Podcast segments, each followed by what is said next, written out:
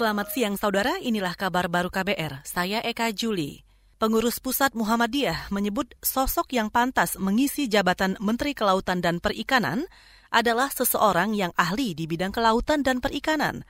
Ini disampaikan Ketua PP Muhammadiyah Anwar Abbas menanggapi tertangkapnya Menteri Kelautan dan Perikanan Edi Prabowo oleh KPK lantaran kasus dugaan suap.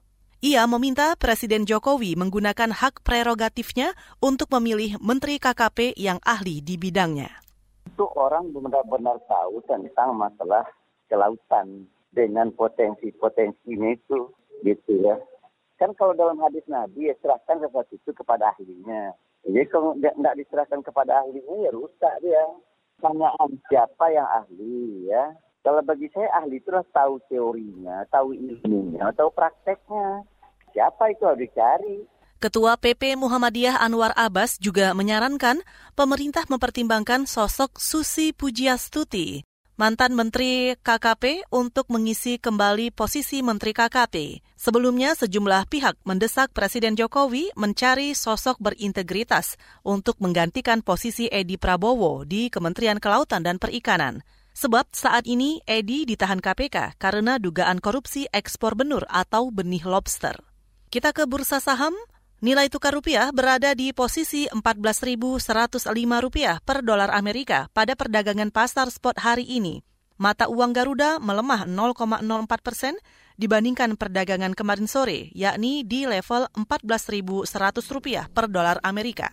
Pelemahan rupiah ini dipicu diduga sentimen positif terhadap hasil uji vaksin COVID-19 yang mulai berkurang. Dolar Amerika pagi ini juga bergerak variasi terhadap mata uang di kawasan Asia, seperti yen Jepang, dolar Singapura, yuan Cina, rupiah India yang menguat. Sedangkan won Korea Selatan, peso Filipina, ringgit Malaysia, dan bat Thailand melemah terhadap dolar Amerika.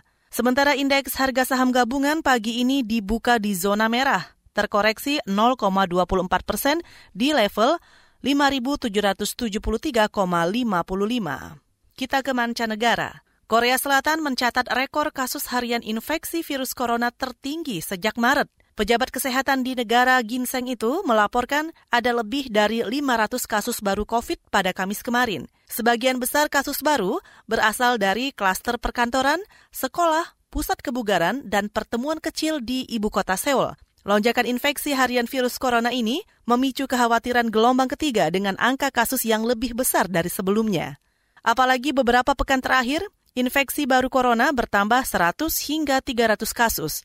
Rekor kasus baru kali ini menjadikan jumlah total kasus yang tercatat di Korea Selatan menjadi 32 ribu dengan lebih dari 500 kematian.